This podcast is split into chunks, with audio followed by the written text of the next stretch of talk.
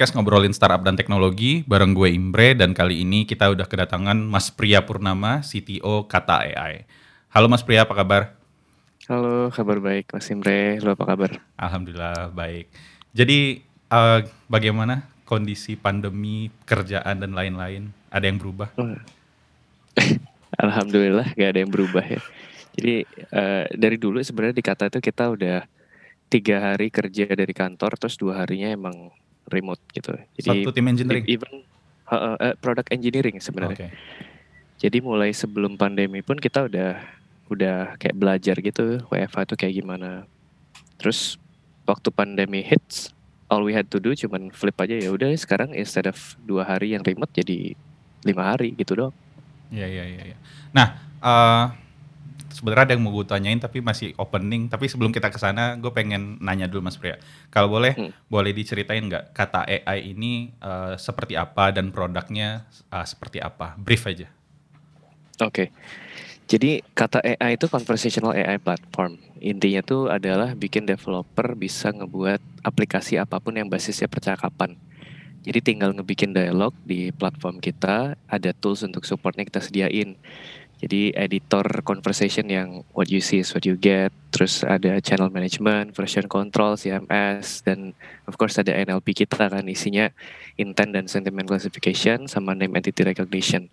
Jadi kayak semacam uh, konsepnya write once, tulis dialognya sekali, terus deploy ke, ke channel yang banyak gitu. Oke oke oke oke oke. Nah uh, nanti gue akan spesifik bahas tentang produk. Uh, tapi sebelum sana ada satu topik yang pengen gue bahas. Jadi sebenarnya podcast ini gue pengen ngediskusiin tentang perjalanan karir lo sampai akhirnya jadi CTO. Karena uh, biasanya yang uh, sering kita temukan adalah CTO itu karena dia founding sebuah startup ya Nah, uh, lo kan bukan co-founding AI kan. Jadi gue pengen tahu gimana ceritanya sampai akhirnya itu lo bisa jadi CTO di kata AI. Nah, uh, sebelum itu kalau boleh cerita Mas Pria ini dulu adalah uh, senior engineer atau tech lead ya gue lupa apa sih Mas dulu di Exos? Masuknya senior engineer. Nah, masuk senior engineer. Jadi Mas Pria ini adalah senior engineer gue dulu waktu di pekerjaan pertama. Dan kalau saya ingat gue, lu datang dari Bali ya sebelum dari Exos ya nggak sih? Benar. Nah, kalau boleh tahu, uh, apa yang akhirnya membuat lo memutuskan untuk uh, pindah dari Bali ke Jakarta setelah lo bekerja sekian tahun di Bali? Right. Oke okay, di di Bali itu gue kan karena emang orang sono ya, jadi udah seumur hidup kerja di Bali bosen juga. Dan zaman zaman gue dulu itu masih jarang banget startup buka kantor di Bali. Jadi mostly itu kayak contohnya agency-agency dari Australia, dari luar negeri gitu. Mereka punya production house, bukanya di Bali untuk uh, apa ya manajemen sama salesnya di luar, terus bikin-bikin aplikasi web itu di Bali gitu. Okay. Nah, tipe-tipe kerjaan yang kayak gitu dulu, termasuk gue juga di salah satunya namanya uh, Bullseye. Sekarang udah jadi Ogilvy Sydney. Mm-hmm. Terus dapat info soalan Ice House uh, dari Sigit, Fauzan, sama Leo, teman-teman kita dari sosial media. Emang benar-benar berbuah manis lah. Akhirnya gue memutuskan untuk pindah karena gue lihat Ice House itu lumayan apa ya at that time promising terus fieldnya baru buat gue. Tapi kan waktu itu sebenarnya kalau lo masuk ISO sebenarnya jenis pekerjaannya hampir sama kan karena sebelumnya lo ngerjain produk yang kayak semacam punya klien pengen bikin software di ISO pun juga pengen bikin kayak gitu bikin kayak gitu juga kan? Atau ya, ada bedanya adalah gini bedanya kalau gue ngerjain di agency itu biasanya buat campaign kan. Jadi website website itu uh, hidupnya itu cuma enam bulan setahun gitu. Campaign kan gak ada yang panjang-panjang kan. Okay. sementara waktu itu di Ice House tipe klien yang masuk ke ISAS adalah perusahaan-perusahaan yang aspiring untuk jadi startup. Mereka nggak punya tim engineering, terus mereka bikin sendiri, uh, bikin produknya di sana gitu. Oh, Itu yang membedakan. I see. Oke. Okay. Uh, eh, kemudian setelah sekian lama lu di Jakarta, uh, sebenarnya lu ada beberapa tempat juga kan. Lu sempat join Bright Story, kemudian ada juga apa sih setelah Bright Story? C C88 C88. ya. Nah, mm -hmm uh, kemudian di sana kan lu sempat jadi di Bright Story lu jadi Director of Engineering dan kemudian lu jadi VP Product di C88. Nah, gue loncatin itu dulu dan gue pengen langsung ke VP Engineering di Kata AI. Kemudian hmm. apa sih yang membuat lo akhirnya join ke Kata AI? Oke, okay, jadi yang bikin gue masuk ke Kata AI, gue ceritain dulu proses interviewnya ya. Ini lama banget sih. Oh ya? Kayaknya sekitar sebulan gitu interview dua arah dari sisi kata AI nge-assess gue tuh kompeten apa enggak. Nah kalau dari sisi gue nge-assess ini company missionnya jelas apa enggak gitu. Oke. Jadi multiple layers of interview dengan tes. Terus gue juga nanya banyak banget kan ke banyak stakeholder. Biasanya kan interview cuma sama layer HR sama user doang kan. Hmm. Tapi kali ini gue juga minta, eh gue mau dong nanti sama teman-teman kerjanya. Jadi gue akhirnya ngobrol sama beberapa engineer sama product manager di fase interview. Terus gue minta tanya ke mereka pain pointsnya apa. Just to make sure gue actually bisa contribute atau enggak. Eh, kalau boleh tahu, kalau interview level VP itu yang ditanyain biasanya apa aja sih mas? eh case tadi yang gue terima itu adalah situasi company saat ini adalah kayak gimana gitu ya. Gue nggak bisa share Iya. begitu banyak. Tapi yang jelas diceritain eh, situasinya seperti ini, problem statement dari sisi si levelnya apa. Terus eh, gue akhirnya inisiatif untuk nge-validate problem statement itu kan. Mhm. Makanya akhirnya gue ngobrol sama teman-teman engineer, product manager, gue tanya apakah benar problem statement itu atau kan biasanya ada satu permasalahan yang dilihat dari berapa sisi berbeda-beda gitu kan. Gue make sure dulu eh, align semuanya. Terus case tadinya adalah gue untuk nge-resolve itu kayak sekitar eh, rencana 100 hari lah. Kalau Oh. misalnya gue masuk ke sana dalam 100 hari apa yang mau gue lakukan? Gimana nge-resolve eh, issue ini? Secara garis besar itu. Berapa lama sih eh, lu dikasih kayak semacam katakan homework ya untuk mencari solusinya sampai akhirnya lu present lagi? The actual homework deadline-nya sekitar kalau gua nggak salah ingat ya seminggu. Tapi gua ngerjainnya itu kayak requirement gathering-nya lumayan lama, makanya sampai sebulan tuh in total. Oh, I see. Nah, ketika lu jadi VP nih mas di kata.ai, Hmm. eh, apa aja sih yang lo lakukan sebagai VP? Dan gue nggak tahu waktu lu VP itu masih ada CTO sebelumnya nggak sih atau gimana? Masih, masih. Eh, jadi yang hire gue actually yang interview Mas Rizky kan, Iya. CTO yang dulu. Eh apa ya? Pertanyaannya adalah gimana role gue di sana ya? Iya, gimana eh, kan VP engineering ya, kayak eh, Hmm. apa yang lo lakukan sementara si VP itu skopnya seperti apa, CTO itu skopnya seperti apa dan gimana lo mungkin communicate eh, each other gitu. Hmm, oke.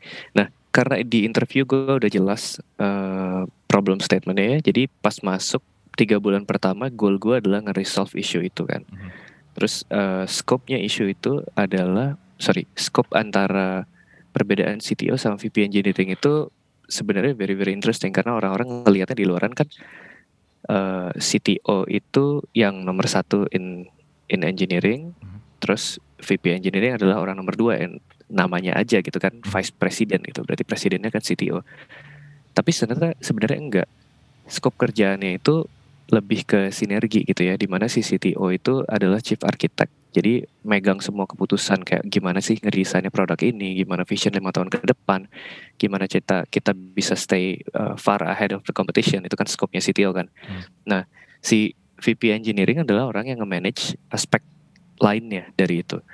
Jadi gue waktu itu megang, uh, gue udah tahu directionnya mau dibawa ke mana produknya, roadmapnya udah jelas gitu kan. Hmm. Nah gimana cara gue ngemastiin uh, ada sinergi dari tim product, engineering, uh, ke QA dan lain sebagainya. Gimana caranya biar prosesnya lancar. Terus uh, gimana caranya objektif bisa ke translate properly. Terus gimana proses secara internal gitu kan. Uh, jadi udah lumayan jelas lah ya perbedaannya di sana. Skill set yang dibutuhkan juga jelas beda. Kalau yang CTO benar-benar harus punya depth, harus ada kedalaman banget di teknologi sama domain. Sementara gue sebagai VP engineering gue harus all rounder, harus tahu nge-maintain sinergi dan maintain relationship, nge-maintain progress dan uh, team motivation. Hmm, Gitu. Berarti lo eh, ini ya juga ke orang ya, maksudnya lo juga manage orang gitu. Betul, betul. People management mostly di gue. Oh, I see. Oke. Nah, eh, berapa lama sih Mas lo jadi VP sampai akhirnya jadi CTO? Uh, gue buka LinkedIn dulu ya, gue lupa juga. Oh, ya gue juga buka LinkedIn, gue lupa nih. Eh, dua tahun ya, dua tahun, dua tahun tiga bulan. Dua tahun. Nah, Uh, uh. sampai akhirnya lu bisa jadi CTO, itu gimana sih ceritanya? Eh, kenapa lu, kenapa nggak yang lain gitu loh? Uh, it, it's a good question. Uh, orang-orang lain juga bertanya hal yang sama. Jadi gini, uh, ceritanya itu gue di awal-awal sinergi banget ya sama CTO yang sebelumnya tuh Mas Rizky. Yeah. Terus uh, pada suatu ketika gue lupa tahun pertama gue, akhir tahun pertama atau kapan gitu, uh, Mas Rizky akhirnya memulai startupnya sendiri kan, doi jadi CEO. Yeah. Terus tentu saja dari situ kerjaannya tumpah ke gue semua kan. Terus gue harus handle satu-satu, nggak ada apa ya, nggak semuanya lah bisa gue handle sekaligus gitu jadi gue handle satu-satu pelan-pelan gue di-involve ke dalam discussion yang lebih strategik gitu. Jadi selama dua tahun gue duduk di posisi itu dengan added responsibilities sambil gue mikir nih karir gue mau dibawa ke mana kan? Ya. Karena mostly sih sebenarnya gue imposter syndrome ya gue ngerasa minder banget karena gue as you know uh, Mas Rizky kan jago banget ya orangnya. Dia uh, technical lulusan dari luar terus technical banget terus uh, apa ya ya literally insinyur pesawat terbang gitu kan uh, gue bener-bener yang kayak ah gimana nih? Kayaknya gue nggak bisa step in gue nggak bisa step up juga. Sampai akhirnya di akhir 2019 gue memberanikan diri untuk mengajukan diri waktu itu. Karena dapat buy-in dari teman-teman di dalam internal kata. Terus uh, tentu saja mengajukan dirinya nggak serta merta oh ya udah deh yuk gitu kan. Hmm. tapi ada tesnya juga. Oh ya oke. Okay. ya ada tes yang mesti gue lakukan dan mesti gue membuktikan untuk uh, oh iya nih pria udah ada di uh, apa ya level of comprehension yang seperti ini jadi bisa jadi CTO gitu. Oh, ada itu ada tesnya lagi. Tesnya kayak yang tes lu jalani ketika VP engineering lagi. Iya, mirip mirip kayak gitu. Jadi uh, problem statementnya beda nih karena kan gue uh, istilahnya dari mulai make satu topi jadi coba make topi yang lain kan hmm. role-nya benar-benar beda jadi gue mesti di assess gimana nih lo punya nggak vision lima tahun ke depan mau dibawa ke mana produknya terus uh, teknologi sebagai enablernya do you have any idea what to do and how to build it gitu kan Yeah. Jadi I had to present it stakeholdersnya waktu itu lumayan banyak. Setelah lu jadi CTO ada training-training khusus gitu nggak sih mas yang dikasih perusahaan buat lo? Uh, difasilitasi untuk mentorship sama CTO-CTO lainnya. Karena kan gue uh, istilahnya CTO rookie banget ya, pertama kali banget pegang posisi kayak gini. Hmm. Terus uh, difasilitasi lah ngobrol sama teman-teman uh, yang lain. Terus uh, Ichan kan juga si CEO-nya kata kan juga part of the Endeavor Network ya. Yeah. Jadi ada ada gue sampai ikutan kelas-kelas gitu lah yang sampai ke Stanford dan lain sebagainya. Oh ya, lu sampai berangkat ke US gitu? Nah, sayangnya karena pandemi kemarin akhirnya kelasnya online. Oh, Jadi si apa ya kemarin ya, gue lupa Harvard Business School sama Stanford sama satu lagi di Singapura. Ya ya ya. Gue pernah diceritain kan sama Mas Rendra, uh, dulu kan dia CTO OLX. Ketika dia di CTO OLX tuh dia bilang itu kalau mau jadi CTO tuh uh, ada tesnya juga, terus udah jadi CTO ada trainingnya juga kalau mau jadi apa sih kayak komisaris di tempat lain tuh ada tesnya juga. Gue pikir kayak jadi CTO itu ya udah karena uh, lu udah lama di sana dan kemudian ya udah uh, posisinya karena mungkin tadi kayak uh, Mas Rizky mau cabut bikin startup baru ya udah akhirnya lu ya udah lu gue naikin jadi CTO deh. Ternyata nggak segampang itu juga ya. Nggak semudah itu dan gue juga honestly dulu dikata kandidatnya itu untuk jadi CTO kan nggak cuma gue doang. Oke. Okay ada kandidat-kandidat dari luar juga. Jadi actually oh. stakeholders itu benar-benar consider siapa orang yang paling tepat untuk uh, megang posisi ini. Gitu. Berapa lama sih Mas prosesnya sampai lo jadi CTO? Hmm, berapa lama ya? Beberapa bulan kalau nggak salah ya. Soalnya eh, kayak yang gue bilang tadi di awal-awal itu setelah satu tahun lebih megang posisi VP Engineering gue udah mulai tergelitik nih. Tapi gue masih yang kayak aduh gimana ya? Gue pede nggak ya? Gitu. Oh. gue sebenarnya lebih ke apa ya ngelewati hurdle confidence itu dulu. Baru gue bisa maju dan bilang ke teman-teman yang lain. Setelah lu jadi CTO nih kan udah satu tahun lebih ya uh, hmm. lu merasa jauh lebih pede atau menurut lu gimana Um, lebih pede sih enggak ya. Gue ngerasa tetap apa ya? It's one of those things yang pada saat lo ada di posisi ini lo ngerasa bahwa oh ternyata knowledge gue itu masih nggak cukup ya gitu. Karena semakin uh, posisi lo berubah, horizon lo kan semakin kebuka nih. Yeah. Makin lo ngelihat hal-hal yang sebelumnya lo nggak lihat gitu. Contohnya dulu di VP Engineering gue uh, strategic objective itu gue udah terima gitu kan jadi gue udah kayak oke okay, kita maju directionnya seperti ini ya. dan mulailah nge ngeset ke teman-teman gimana sih uh, target kita ini apa terus gimana kita macam-macamnya jadi milestone gitu kan yeah.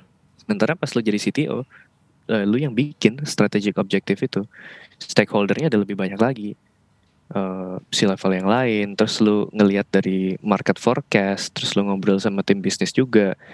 Belum lagi kalau misalnya dari investor ada apa ya, uh, mereka ngasih insight gitu kan. Jadi yeah. kita setiap kali ada report gitu ke investor, pastilah ada wejangan-wejangan. I think you should do this, I think you should do that gitu. Beda banget ya. Nah, ketika lu jadi CTO, posisi VP engineering ini gimana mas? Apakah masih lu yang pegang atau udah ada orang baru? Mm, jadi gue sebenarnya sekarang kayak wearing multiple hats gitu ya. Okay. Yang CTO juga gue, VP engineering juga gue.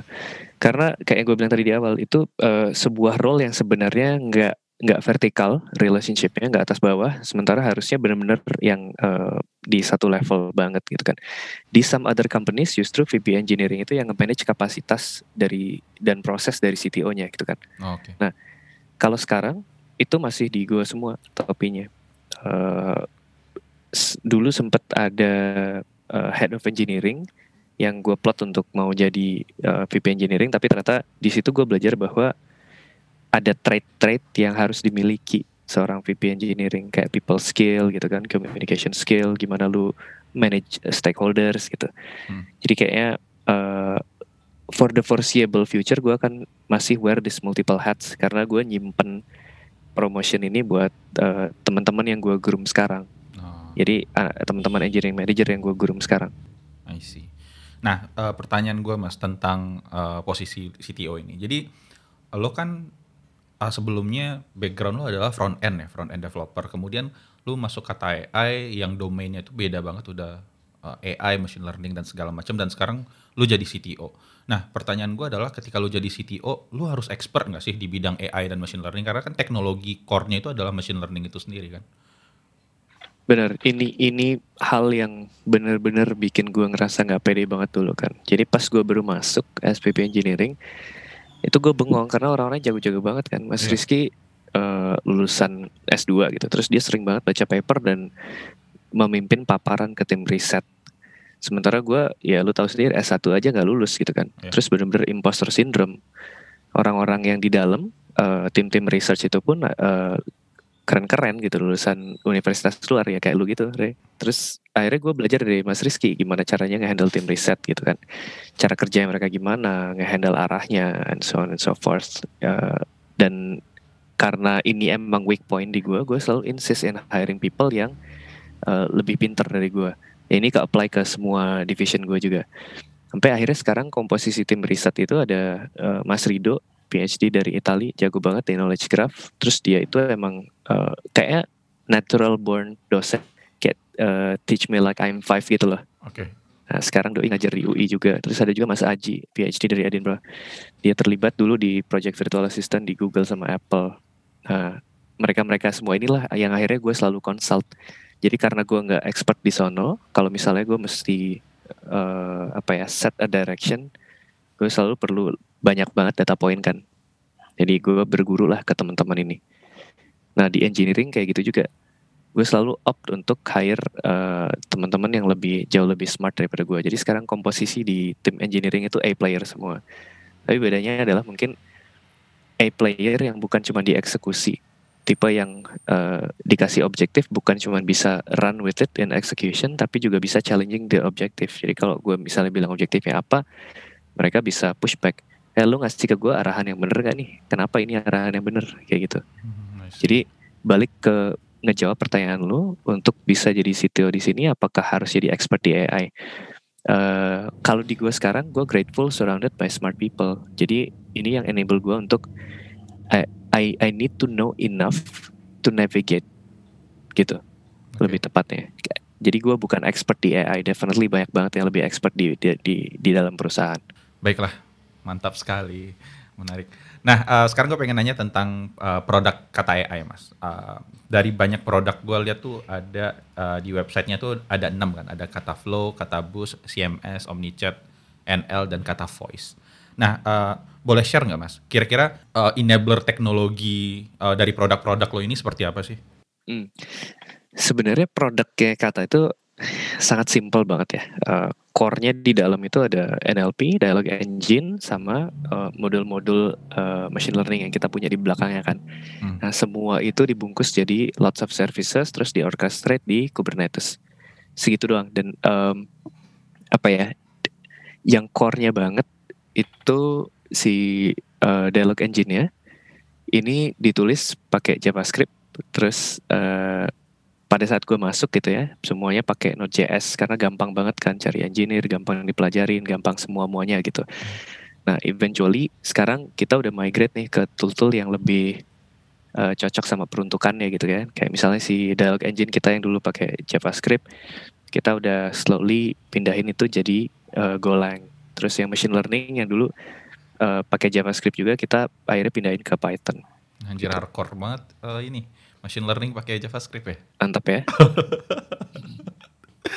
nah dari semua produk ini mas, yang enam tadi yang gue sebutin itu produk yang paling banyak uh, apa ya uh, implementasi atau penggunanya yang udah mengintegrasikan produk-produk mereka dengan produk kata AI ini yang mana sih? Uh, user itu banyak, paling banyak pakai uh, kata flow sama kata NL. Jadi gini, kita apa ya itu codename produk yang kelihatannya banyak gitu. Tapi pada saat lu login ke platform.kata.ai itu semuanya jadi satu kan di dalam web dashboard. Dari hmm. CLI juga lu ngeliatnya satu uh, satu entity gitu. Nah jadi yang uh, use case yang paling sering dipakai oleh developers itu adalah uh, mereka login terus bikin chatbot buat klien kayak gitu. Nah di dalam bikin chatbot itu yang terlibat adalah si uh, kata flow dialog engine itu sama channel management dan so on and so forth sama si kata NL ini yang mostly dipakai sama orang-orang itu berarti model machine learningnya segala macam itu in house ya Iya, bikin Ka sendiri. Karena kan kayak kata voice kan, uh, kata voice ini gue lihat voice to text and text to voice API itu kan kayak misalkan kayak Google Cloud itu udah punya uh, service yang serupa kan. Nah, right, uh, betul. Pertanyaan gue, apa sih yang membedakan produk kata AI? Let's say uh, yang paling uh, yang bukan yang paling gampang sih yang yang gue tahu uh, voice to text sama text to voice ini tuh udah ada juga di tempat-tempat lain. Terus apa ya kenapa kata AI ini juga bikin yang kayak gini? Hmm. Uh, pembedanya sebenarnya ada banyak ya, tapi pada saat uh, kita ngelihat di intinya banget uh, ada di integrasi sinergi di antara produk kita sendiri. Kita jualnya satu solution yang kayak uh, lu mau bikin conversational AI nih, uh, apa pun itu ada di kita gitu. Jadi itu pembedanya kalau si uh, Google Speech API kan lu mesti tahu dulu kan, lu mesti uh, use case-nya cuma single use case doang gitu lah ya. Hmm, okay. Sementara di kita kalau lu misalnya mau bikin sebuah uh, let's say lu punya application di dalam applicationnya lu pengen enable bisa chatting sama AI gitu kan. Terus di situ uh, lu pengennya nggak cuma ngobrol via teks tapi bisa via audio juga. Nah itu kita ada di kita semua solusinya. Jadi lu nggak usah uh, apa ya subscribe ke Google lagi ke mana lagi gitu. Hmm, I see. Oke oke oke oke oke. Nah, uh, eh, gue mau nanya tentang product development. Tadi kan lo bilang ada tim riset, tim riset lo uh, tadi ada PhD sekian orang. Komposisi tim lo seperti apa sih mas? Ada berapa orang yang emang fokus riset, yang berapa orang yang fokus product development, product development as in uh, mungkin front end, back end, QA dan lain-lain. Hmm, hmm. Jadi uh, tim riset itu nggak begitu banyak orang ya uh, dan kita satu dua tiga empat sekarang cuma empat orang gitu ya yang ngerjain terus job descriptionnya adalah uh, mereka yang apa ya orientasinya tuh ke lima tahun ke depan tiga sampai lima tahun ke depan okay. untuk nggak enable uh, roadmap kita jadi oh. di tim produk sama engineering itu ngebikin apa yang uh, solusi kita itu orientasinya di tahun sekarang sampai ke tiga tahun ke depan. Dan tim riset itu untuk nge-enable-nya nanti perlunya apa. Itu mereka udah mulai riset dari sekarang. Emang forward facing banget. Dan bagusnya tim riset di kita itu adalah uh, kita expand knowledge yang udah ada. Jadi kita ngelihat paper-paper gitu kan kita banyak banget ngebaca paper yang di luar sana. Terus ada yang align sama business case kita ada yang align sama uh, solusi yang mau kita bikin di masa depan gitu. Terus kita build on top of that, terus kita balikin lagi, publish lagi papernya. Hmm. Jadi kita ikut tuh event-event macam uh, eh, ACL, terus kita berusaha masukin ke NACL uh, dan lain sebagainya. Oke, okay. nah uh, gue penasaran. Uh, tadi kan lo bilang lima tahun ke depan uh, riset itu di, untuk lima tahun ke depan. Nah pertanyaan gue adalah bisnis ini kan sebenarnya uh, apa ya? Boleh dibilang uh, bisa berubah dengan cepat kan. Maksudnya user behavior pun berubah kayak kemarin tuh tiba-tiba ada covid aja semua orang harus di rumah dan mau nggak mau orang-orang tuh harus menyesuaikan. Nah pertanyaan gue, ketika lu punya riset yang panjang lima tahun, uh, yang mana yang datang duluan? Apakah bisnis requirement lu ketika lima tahun duluan lu kasih ke tim riset, atau mereka yang nanti yang akan nge-propose, eh dalam lima tahun ke depan tuh ini yang bisa kita kerjakan dan silahkan lu pilih yang mana yang align sama bisnis. Right kalau lu gini semakin jauh ke masa depan semakin bukan planning namanya tapi gambling kan Oke. Okay. Jadi ya, kalau lu lu bisa planning sekarang, besok, minggu depan gitu kan. Tapi kalau bener-bener sampai lima tahun itu udah bener-bener ranahnya itu uh, apa ya kemungkinannya masih nggak begitu inilah ya nggak yeah. begitu pasti. Jadi directionnya itu dari sisi strategic business selalu kita kasih dan tim riset nanti punya uh, apa ya mereka punya kapasitas dan punya kapabilitas untuk ngatur. Oh rasanya nih uh, kita pikir trennya mengarah ke sini jadi kita harus punya capability di sini. Kalau misalnya itu align sama bisnis dan good. Kalau itu nggak align sama bisnis maka kita bikin dua thread gitu. Kayak jadi kayak ada beberapa effort makanya orangnya ada beberapa kan dalam. Hmm, jadi ngelihat landscape-nya gimana nih conversational AI berapa tahun ke depan apakah kita uh, let's say um, mau ngobrol multimodality ya berarti kita harus punya voice kita harus bisa punya uh, video analytics kita harus punya and so on and so forth gitu. Atau mungkin arahnya beda lagi gitu. Oke. Okay. kata.ai ini punya kompetitor nggak sih mas? Di Indo? Um, kalau yang produknya one to one sama kita sih enggak ya, tapi yang jualan subset dari produk kita tuh ada. Kayak misalnya solusi di OmniChat ada yang ada ada startup yang ini juga ada korporasi juga yang punya, terus ada solusi hanya conversation AI-nya doang ada, terus uh, hanya voice doang ada gitu. Jadi kita nggak benar-benar punya direct competition sama sekali. Even though pada saat kita masuk ke enterprise gitu ya, uh, misalnya kita tender di mana gitu, di sana ketemunya itu competition, tapi competition itu udah yang kayak uh, yang satu kata AI masuk, terus akan compete sama service A plus B plus C dibawa sama uh, software implementation team mm-hmm. gitu. Tapi kalau menurut lo uh, ini sama kayak ini nggak sih kalau gue ngelihatnya uh, katakanlah Gojek yang udah punya banyak service banget dibandingkan dengan satu aplikasi yang emang fokus banget misalkan kayak gitu. Kalau menurut lo hmm. itu gimana? Ada pros and cons-nya nggak? Tentu ada ya. Kalau misalnya uh, semakin kecil fokus lo, semakin lo bisa tajam kan. Yeah. Jadi selalu di situ sih. Jadi kata emang harus selalu stay on our toes biar nggak disalip sama teman-teman yang lebih di niche gitu. Okay. Lebih lebih spesifik. Oke oke oke. Tapi kelebihannya berarti ketika lu datang dengan membawa produk lu, lu bisa uh, bikin beberapa kombinasi offering gitu ya? Betul betul. Dan kelebihannya lagi adalah uh, apa ya? Kita udah tahu nih use case use case yang bisa uh, hampir semua use case conversational AI itu kita udah tahu. Dan jadi kalau misalnya lu punya problem apa, datang ke kita, hmm. sangat likely bahwa uh, produk offering kita itu udah gak kayak terseluruh use case lo, udah nggak mesti ya you know kayak bikin kontrak sama yang lain. Nggak mesti punya uh, subscribe ke additional service cukup di kita doang. Sih berarti udah emang one stop platform lah ya asik. Betul asik ya. Kayak bengkel one stop. Satu lagi Mas Pria, gue penasaran uh, dari uh, mungkin yang boleh lu share aja, ada nggak sih integrasi, contoh integrasi yang so far yang lu temukan menarik banget uh, yang dilakukan oleh mungkin klien lu yang udah punya aplikasi yang udah public dengan produk-produk kata AI? Hmm, sebenarnya integrasi yang paling gue takjub itu adalah kita out of the box itu punya handover ke agent. Jadi lu bayangin ini real use case lo lu bisa cobain di uh, WhatsApp-nya BRI atau di uh, apa Facebook Messenger ke Telkomsel Veronica gitu kan. Yeah. At one point uh, si chatbot akan ngebahas uh, bisa ngejawab semua FAQ lo kan. Jadi lu mau nanya apa dia bisa jawab tapi lu juga bisa minta bahwa eh gue mau ngomong sama agen dong gitu kan. Dan pada saat lu ngomong mau ngobrol sama agen itu benar-benar di handover sama si chatbotnya uh, ke tool yang mereka punya CRM di apa pun itu yang mereka punya kan. Terus nanti lu tanpa meninggalkan messenger platform itu lu bisa ngobrol langsung sama manusia. Hmm. kayak halo apa kabar? Terus uh, case gue kayak gimana? Untuk hal-hal yang mungkin lebih apa ya yang nggak tercakup di FAQ yang bisa dihandle chatbot gitu kan. Terus setelah itu ke resolve, balik lagi chatbotnya muncul lagi ke uh, lu ngobrol sama chatbot lagi setelah lu ngobrol sama agent itu dan semua tanpa meninggalkan messaging platform itu. Jadi satu layar lo bisa ngobrol ke multiple uh, orang di belakangnya gitu ya. Dan itu menurut gue bagus banget. Yeah. Dan iya. efisiensinya kalau gue ngelihat dari report-reportnya gitu ya, klien-klien kita uh, apa ya kita itu nggak nge-aim untuk nge-replace dengan adanya ini kita nggak nge-aim untuk misalnya ada orang punya 1000 customer service gitu ya.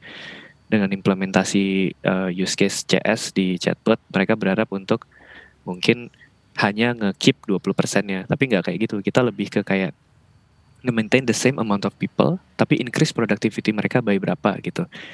Nah kalau di beberapa klien kita itu productivity CS yang mereka naik by 80% jadi contoh yang biasa satu hari bisa nge satu shift gitu ya satu shift satu orang bisa nge-handle uh, eh, 100 message gitu terus uh, tiba-tiba nanti gara-gara dibantu sama si chat buat di depannya 180 message yang bisa 180 tiket yang bisa ke resolve gitu hmm, kira-kira. Hmm, Tapi gue penasaran dengan statement lo tadi. Uh, lo bilang produk lo tidak berusaha untuk menggantikan orang-orang. Tapi kan itu kan bahasan lama ya yang kayak AI akan menggantikan manusia dan segala macam. Betul. Pandangan lo seperti apa sih? Bukankah uh, bagus ketika pekerjaan itu tergantikan dan kemudian ada pekerjaan-pekerjaan baru. Betul, betul. Uh, jadi gini, gue totally setuju uh, sama apa yang lo bilang dan kita ini apa ya di kata AI kita tuh nggak aim untuk empower manusianya dulu, oh, nggak empower manusia, jadi nggak untuk nge-replace human resource gitu ya.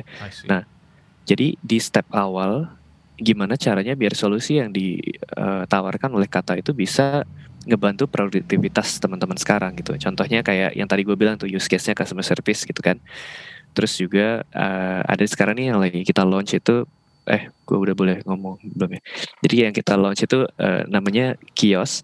Okay. Jadi kita nggak enable orang untuk beli let's say beli kopi via chatbot gitu ya. Okay. Jadi itu kan uh, apa ya lebih instead of manusia melakukan satu x dengan bantuan AI manusia bisa melakukan dua x. Hmm uh, satu solusi yang gue impress banget itu adalah kita punya yang namanya kata assist. Jadi uh, ada apa ya? Kalau lu punya sebuah omnichat gitu, jadi omnichat itu maksudnya adalah uh, si klien ngomongin lu via satu messaging platform, terus lu punya dashboard untuk ngebalas-balesin gitu kan? Yeah. Nah, di omni uh, di produk kita yang namanya kata assist itu, pada saat sebelum lu ngebales ke klien, ini AI kita intercept di tengah-tengah. Misalnya kliennya nanya uh, produk apa pembelian gue yang invoice ID segini sini sini ini tuh udah di udah ke dispatch belum ya? Lu udah kirim belum? Gitu kan. Nah typically kalau orang agen manusia kan bakal ngeliat oh iya ya gue lihat di Excel sheet gue cek tracking gue gue lihat sistem apa gitu kan. Tapi si produk kita si kata asis itu bisa ngecariin oh ini nih sebenarnya produknya udah dikirim lu bisa kirim uh, ada suggestion jawabnya A B C gitu. Okay. udah terkirim atau udah di ini uh, statusnya udah kayak gimana bisa langsung klik cover button langsung kirim statusnya yang live gitu. Hmm. yang kayak kayak gitu-gitu kan jadi uh, empowering banget ya. Instead of orangnya mesti nyari-nyari lu ke mana-mana kita udah yeah. ada. Betul betul. Uh, gue nggak ada pertanyaan lagi mas Pria tapi gue penasaran. Uh, gue nggak penasaran sih gue udah tahu sebenarnya. Tapi gue pengen nanya aja. Uh, hobi lu apa sih hobi gue hobi hobi gue pre pandemi adalah uh, apa ya gue hobi banget ketemu dan networking sama okay. teman-teman gitu kan. Tapi gara-gara pandemi kan jadi nggak bisa nih. Jadi gue shifting ke hobi gue even sebelum gue kerja. Yaitu sekarang gue main game uh, gue sepedaan mm. meskipun sepedaan ngap banget kan pakai masker itu gimana Terus ceritanya gua... sih sepedaan dari lu di BSD kan ya gue di BSD BSD ke uh, Jakarta tengah kota gitu. iya, gue gue pernah sepedaan dari uh, eh, BSD muter ke Monas terus mau ke kota ke atas itu kan. Pas ya itulah uh, musuhnya sepedaan tuh sebenarnya adalah uh, asap kendaraannya doang sih. Iya, iya, gue iya. pikir pandemi kayak gini sepi lah ya Jakarta. Oh, I was wrong. Enggak lah. Padahal udah gue maskeran terus gue di belakang angkot lagi kan. Kokas aja macet coba. Makanya pandemi macam apa? Kenapa orang-orang keluar? Tapi hobi, jam tangan masih nggak? Hobi jam tangan alhamdulillah masih. Jadi uh, gue suka collecting pretty things gitu ya. Yeah buat dilihat-lihat gitu kalau misalnya lagi stres gue ngeliat jam gue shiny gitu. Gue tuh kayak goldfish jadi cepet distracted by something shiny gitu. Oke oke oke oke. Nah uh, satu pertanyaan, eh satu pertanyaan, ya satu pertanyaan lah uh, sebelum uh, yang terakhir. Lu punya ini nggak sih, punya advice nggak untuk uh, engineer-engineer muda? Mungkin yang fresh grade uh, berdasarkan dari pengalaman lu, lu kan udah lama banget kan di industri ini. Dan apa sih kalau seandainya yang bisa lu lakukan lebih baik lagi uh, kalau lu bisa kembali ke waktu itu dan ya saran seperti apa yang bisa lu kasih?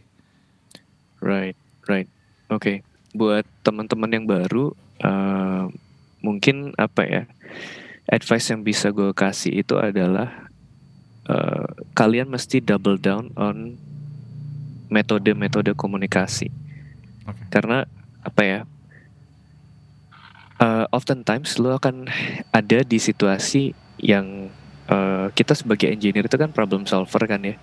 Jadi karena uh, by defaultnya gitu tuh modenya problem solving kadang-kadang semua permasalahan itu kita berusaha solve secara engineering gitu kan. Hmm. padahal belum tentu. Bisa jadi problem ini adalah satu problem yang belum uh, validated jadi kenapa kita resolve gitu. Atau yang kedua solusi yang kita punya di kepala itu bisa jadi bukan solusi yang paling tepat untuk kerja ini itu. Jadi lu mesti lihat dari uh, semua sisi gitu. Jadi ini sebenarnya advice uh, product management sih, bukan advice engineering. Ya ya ya, nggak masalah nggak masalah. uh, tapi lebih ke ya, lu mesti double down on communication sih, karena eventually pada saat lu meniti karir, lu akan ketemu sama tipe-tipe manusia yang berbeda. Lu harus bisa nge-handle tuh tipe-tipe manusia seperti itu. Terus uh, lu juga apa ya different types of stakeholder. Cara lu ngobrol sama engineer beda, cara lu ngobrol sama product manager beda, cara lu ngobrol sama klien, partner.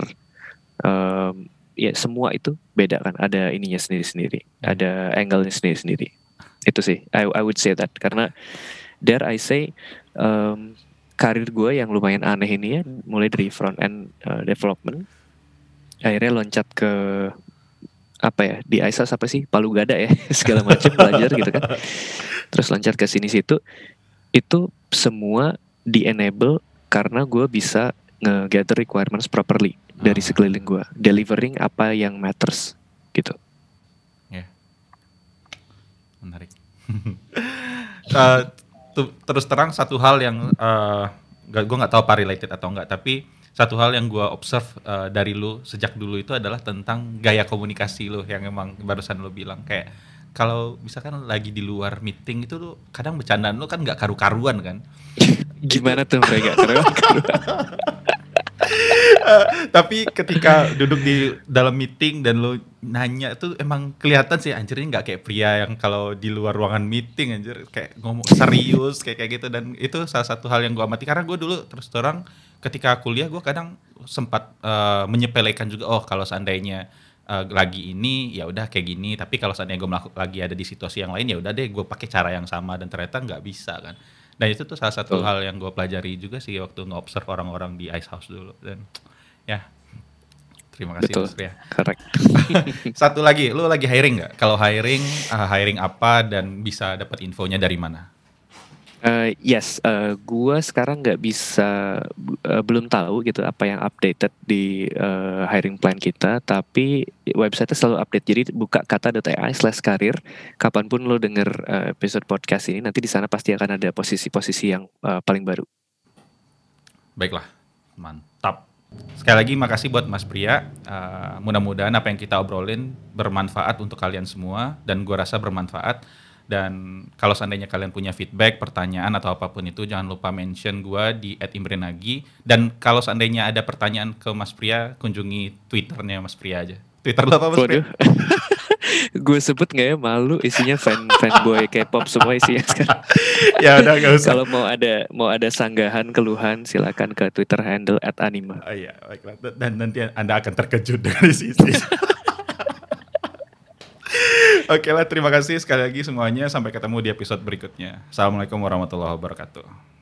Waalaikumsalam.